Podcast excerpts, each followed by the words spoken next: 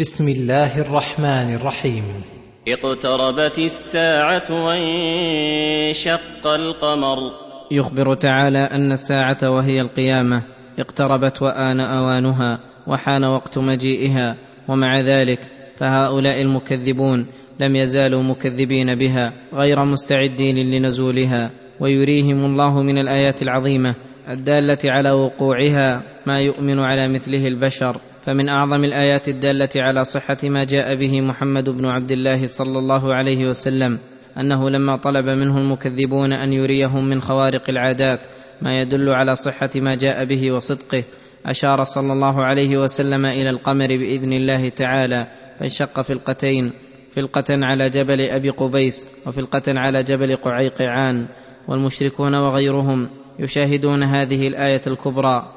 الكائنة في العالم العلوي التي لا يقدر الخلق على التمويه بها والتخييل فشاهدوا امرا ما رأوا مثله بل ولم يسمعوا أنه جرى لأحد من المرسلين قبله نظيره فانبهروا لذلك ولم يدخل الإيمان في قلوبهم ولم يرد الله بهم خيرا ففزعوا إلى بهتهم وطغيانهم وقالوا سحرنا محمد ولكن علامة ذلك أنكم تسألون من قدم إليكم من السفر فإنه وإن قدر على سحركم لا يقدر أن يسحر من ليس مشاهدا مثلكم. فسألوا كل من قدم فأخبرهم بوقوع ذلك فقالوا سحر مستمر سحرنا محمد وسحر غيرنا وهذا من البهت الذي لا يروج إلا على أسفه الخلق وأضلهم عن الهدى والعقل وهذا ليس إنكارا منهم لهذه الآية وحدها بل كل آية تأتيهم فإنهم مستعدون لمقابلتها بالباطل والرد لها ولهذا قال وان يروا إيه يعرضوا ويقولوا سحر مستمر وان يروا إيه يعرضوا ولم يعد الضمير على انشقاق القمر فلم يقل وان يروها بل قال وان يروا إيه يعرضوا وليس قصدهم اتباع الحق والهدى وانما قصدهم اتباع الهوى ولهذا قال وكذبوا واتبعوا أهواءهم وكل أمر مستقر.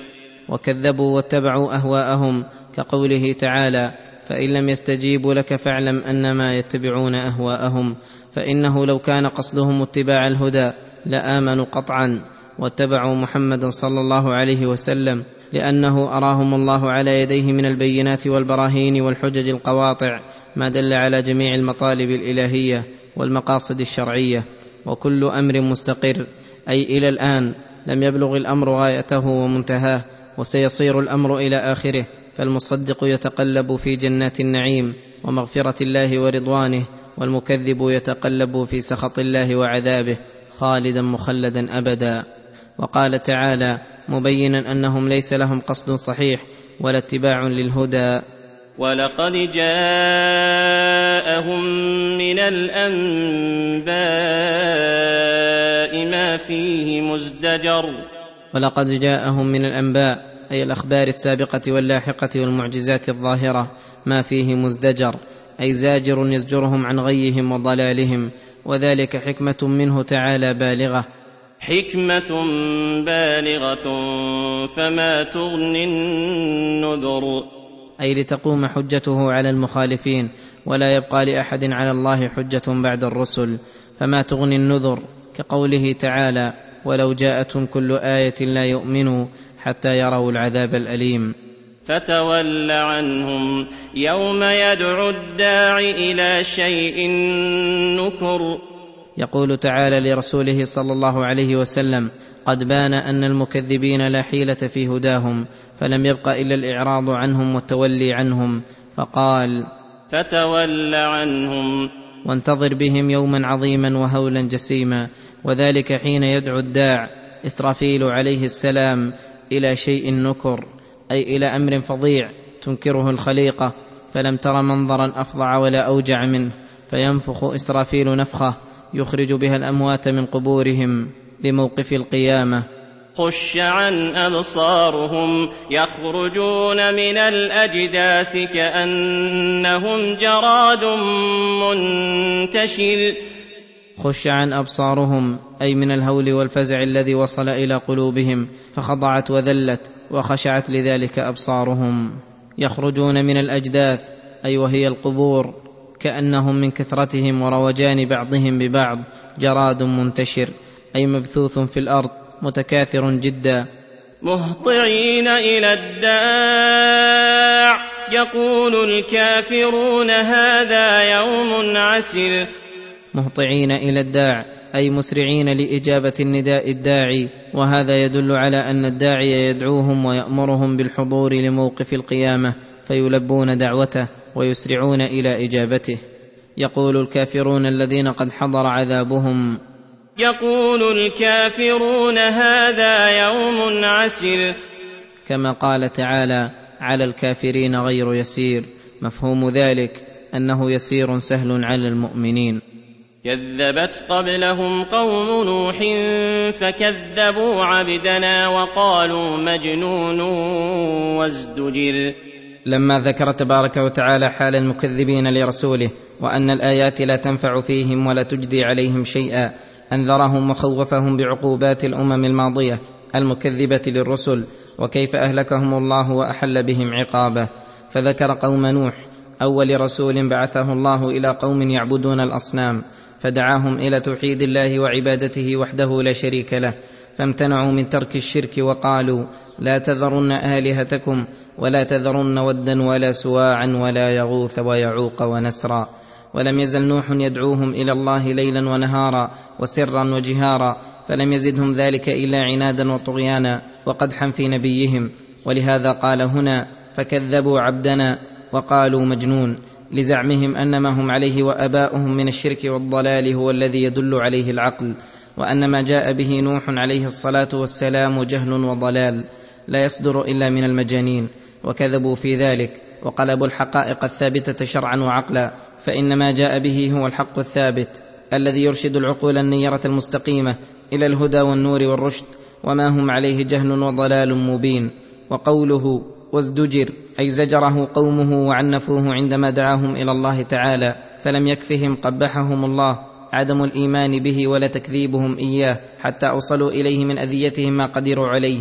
وهكذا جميع أعداء الرسل. هذه حالهم مع أنبيائهم.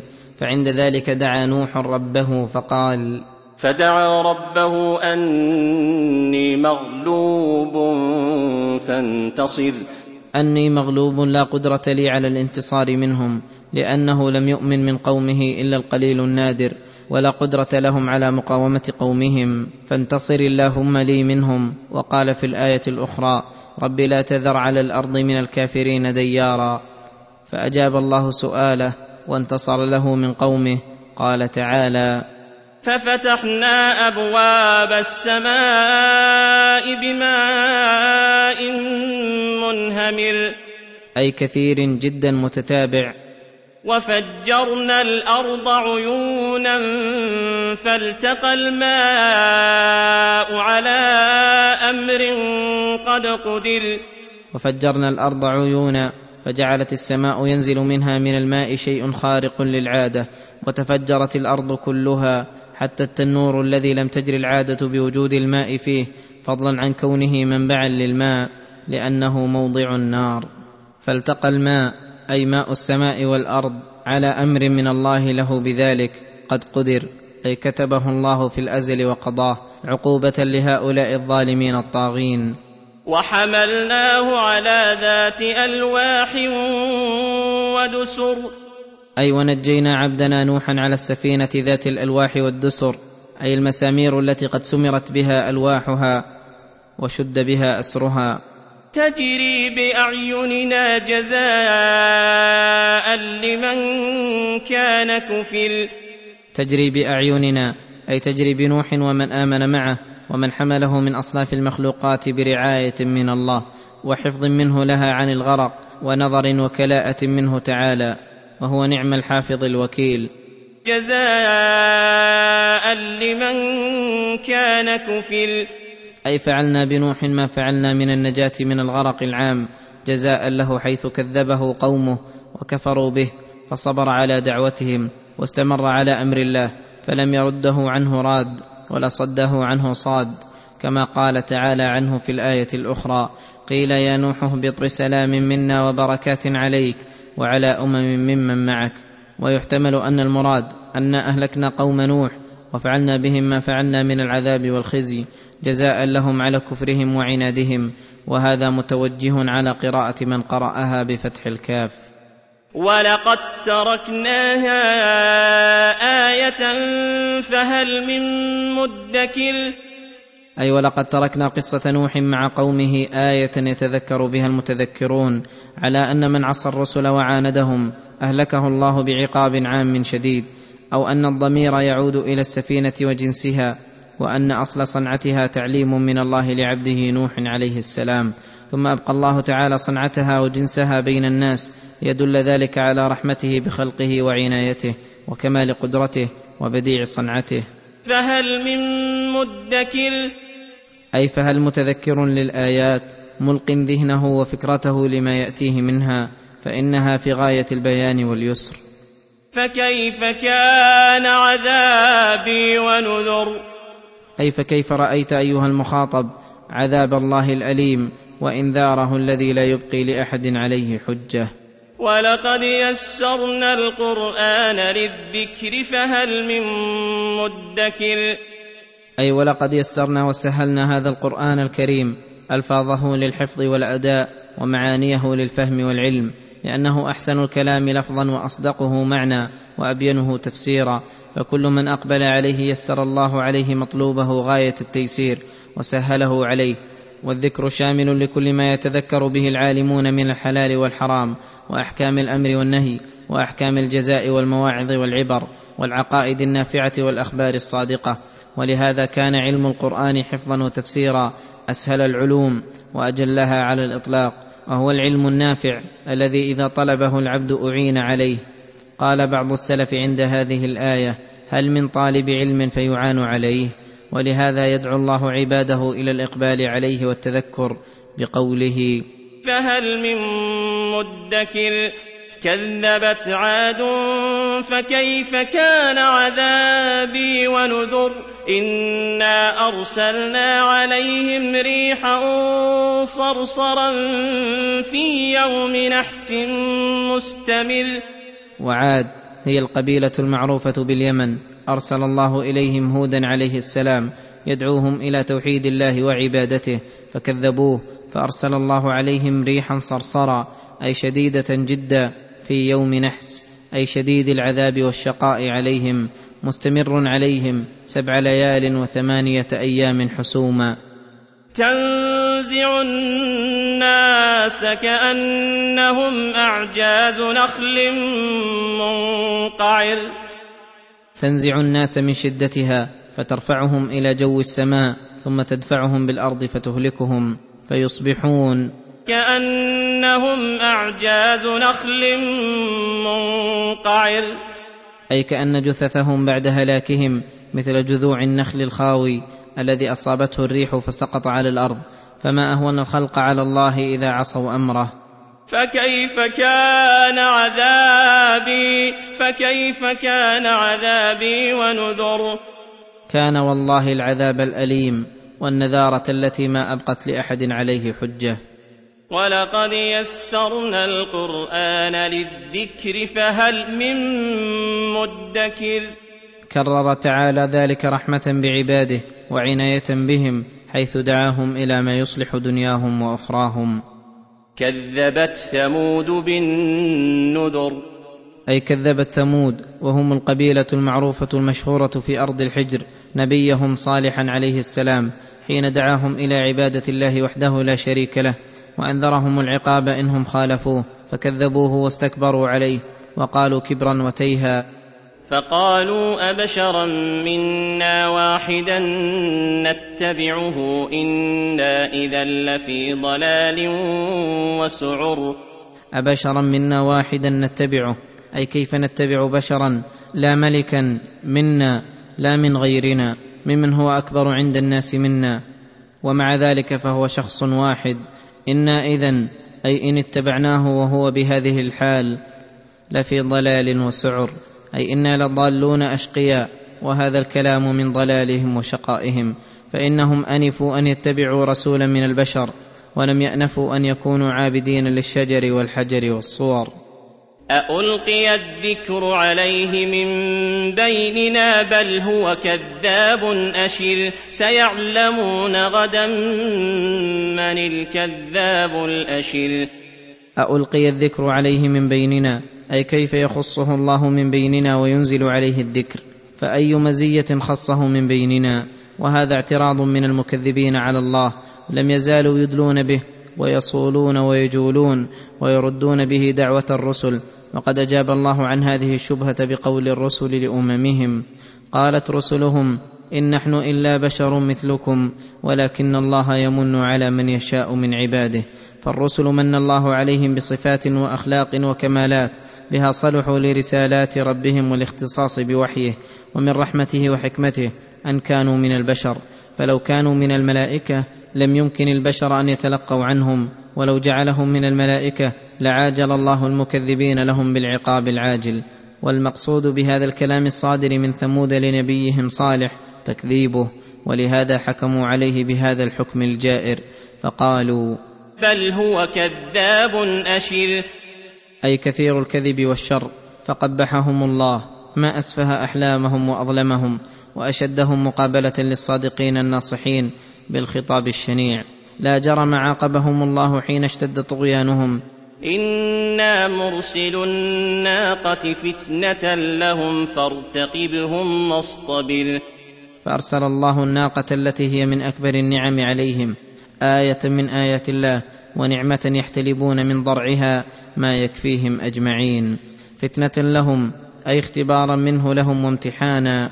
فارتقبهم واصطبر أي اصبر على دعوتك إياهم وارتقب ما يحل بهم أو ارتقب هل يؤمنون أو يكفرون. ونبئهم أن الماء قسمة بينهم كل شرب محتضر. أي أخبرهم أن الماء أي موردهم الذي يستعذبونه قسمة بينهم وبين الناقة لها شرب يوم ولهم شرب يوم آخر معلوم. كل شرب محتضر أي يحضره من كان قسمته ويحضر على من ليس بقسمة له فنادوا صاحبهم فتعاطى فعقر. فنادوا صاحبهم الذي باشر عقرها الذي هو أشقى القبيلة فتعاطى أي انقاد لما أمروه به من عقرها. فعقر. فكيف كان عذابي ونذر؟ كان أشد عذاب. إنا أرسلنا عليهم صيحة واحدة فكانوا كهشيم المحتضر. أرسل الله عليهم صيحة ورجفة أهلكتهم عن آخرهم ونجى الله صالحا ومن آمن معه.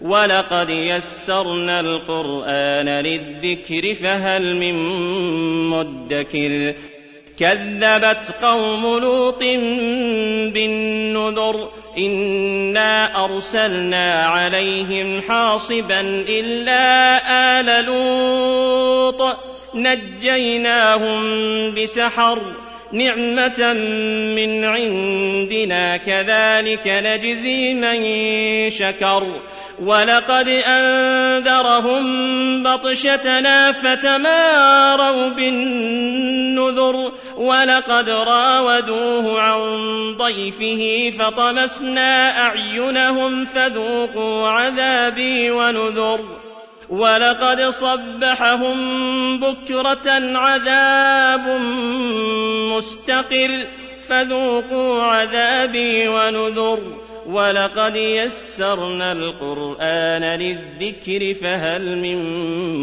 مدكر أي كذبت قوم لوط لوطا عليه السلام حين دعاهم إلى عبادة الله وحده لا شريك له ونهاهم عن الشرك والفاحشة التي ما سبقهم بها من أحد من العالمين. فكذبوه واستمروا على شركهم وقبائحهم حتى إن الملائكة الذين جاءوه بصورة أضياف حين سمع بهم قوم لوط جاءوهم مسرعين يريدون إيقاع الفاحشة فيهم لعنهم الله وقبحهم وراودوه عنهم فأمر الله جبريل عليه السلام فطمس أعينهم بجناحه وأنذرهم نبيهم بطشة الله وعقوبته. فتماروا بالنذر ولقد صبحهم بكرة عذاب مستقر قلب الله عليهم ديارهم وجعل أسفلها أعلاها. وتتبعهم بحجارة من سجيل منضود مسومة عند ربك للمسرفين. ونجى الله لوطا وأهلكه من الكرب العظيم جزاء لهم على شكرهم لربهم وعبادته وحده لا شريك له. ولقد جاء آل فرعون النذر كذبوا بآياتنا كلها فأخذناهم أخذ عزيز مقتدر. أي ولقد جاء آل فرعون أي فرعون وقومه النذر فأرسل الله إليهم موسى الكليم وأيده بالآيات الباهرات والمعجزات القاهرات وأشهدهم من العبر ما لم يشهد عليه أحدا غيرهم فكذبوا بآيات الله كلها فأخذهم أخذ عزيز مقتدر فأغرقهم في اليم هو وجنوده. والمراد من ذكر هذه القصص تحذير الناس والمكذبين لمحمد صلى الله عليه وسلم ولهذا قال أكفاركم خير من أولئكم أم لكم براءة في الزبر؟ أكفاركم خير من أولئكم أي هؤلاء الذين كذبوا أفضل الرسل خير من أولئك المكذبين الذين ذكر الله هلاكهم وما جرى عليهم. فإن كانوا خيرا منهم أمكن أن ينجوا من العذاب ولم يصبهم ما أصاب أولئك الأشرار وليس الأمر كذلك فإنهم إن لم يكونوا شرا منهم فليسوا بخير منهم. أم لكم براءة في الزبر؟ أي أم أعطاكم الله عهدا وميثاقا في الكتب التي أنزلها على الأنبياء فتعتقدون حينئذ أنكم الناجون بإخبار الله ووعده؟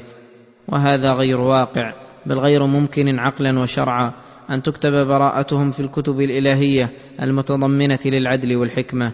فليس من الحكمة نجاة أمثال هؤلاء المعاندين المكذبين لأفضل الرسل وأكرمهم على الله. فلم يبق إلا أن يكون بهم قوة ينتصرون بها. فأخبر تعالى أنهم يقولون أم يقولون نحن جميع منتصر؟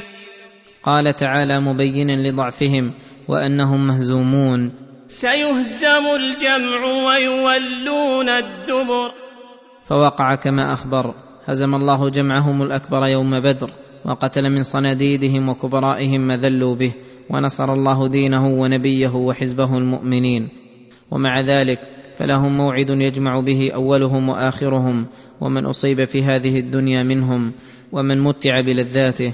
ولهذا قال بل الساعة موعدهم والساعة أدهى وأمر بل الساعة موعدهم الذي يجازون به ويؤخذ منهم الحق بالقسط والساعة أدهى وأمر أي أعظم وأشق وأكبر من كل ما يتوهم أو يدور بالبال إن المجرمين في ضلال وسعر إن المجرمين أي الذين أكثروا من فعل الجرائم وهي الذنوب العظيمة من الشرك وغيره من المعاصي. في ضلال وسعر. أي هم ضالون في الدنيا ضلال عن العلم وضلال عن العمل الذي ينجيهم من العذاب ويوم القيامة في العذاب الأليم والنار التي تتسعر بهم وتشتعل في أجسامهم حتى تبلغ أفئدتهم. يوم يسحبون في النار يوم يسحبون في النار على وجوههم ذوقوا مس سقر. يوم يسحبون في النار على وجوههم التي هي أشرف ما بهم من الأعضاء وألمها أشد من ألم غيرها فيهانون بذلك ويخزون ويقال لهم ذوقوا مس سقر. أي ذوقوا ألم النار وأسفها وغيظها ولهبها. أنا كل شيء خلقناه بقدر. وهذا شامل للمخلوقات والعوالم العلوية والسفلية أن الله تعالى وحده خلقها لا خالق لها سواه ولا مشارك له في خلقها وخلقها بقضاء سبق به علمه وجرى به قلمه بوقتها ومقدارها وجميع ما اشتملت عليه من الأوصاف وذلك على الله يسير. فلهذا قال وما امرنا الا واحدة كلمح بالبصر فاذا اراد شيئا قال له كن فيكون كما اراد كلمح البصر من غير ممانعة ولا صعوبة. ولقد أهلكنا أشياعكم فهل من مدكر ولقد أهلكنا أشياعكم من الأمم السابقين الذين عملوا كما عملتم وكذبوا كما كذبتم. فهل من مدكر؟ أي متذكر يعلم أن سنة الله في الأولين والآخرين واحدة وأن حكمته كما اقتضت إهلاك أولئك الأشرار فإن هؤلاء مثلهم ولا فرق بين الفريقين.